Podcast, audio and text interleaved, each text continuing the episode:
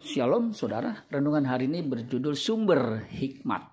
Matius 10 ayat 16 sampai 20. Lihat, aku mengutus kamu seperti domba di tengah ke tengah-tengah serigala. Sebab itu hendaklah kamu cerdik seperti ular dan tulus seperti merpati.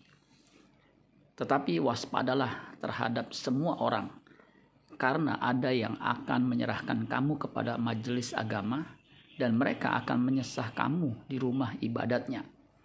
Dan karena aku, kamu akan digiring ke muka penguasa-penguasa dan raja-raja sebagai suatu kesaksian bagi mereka dan bagi orang-orang yang tidak mengenal Allah.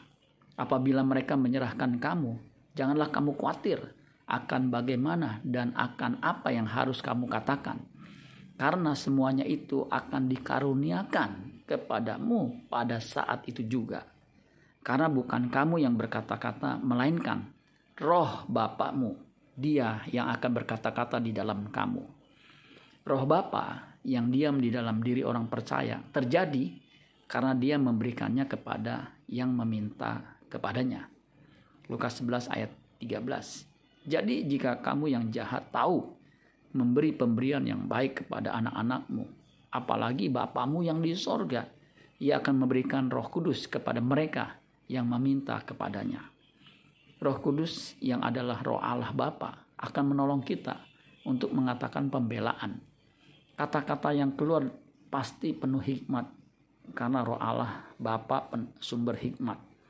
1 Korintus 12 ayat 8 sebab kepada yang seorang roh memberikan karunia untuk berkata-kata dengan hikmat dan kepada yang lain roh yang sama memberikan karunia berkata-kata dengan pengetahuan Efesus 1 ayat 17 dan meminta kepada Allah Tuhan kita Yesus Kristus yaitu Bapa yang mulia itu supaya ia memberikan kepadamu roh hikmat dan wahyu untuk mengenal dia dengan benar.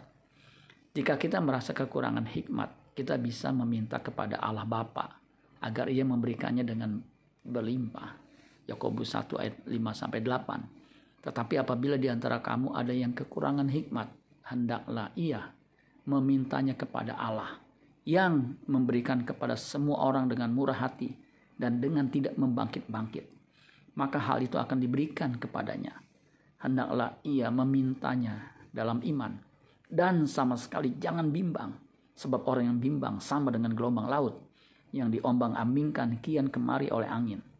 Orang-orang yang demikian janganlah mengira bahwa ia akan menerima sesuatu dari Tuhan. Sebab orang-orang yang mendua hati tidak akan tenang dalam hidupnya.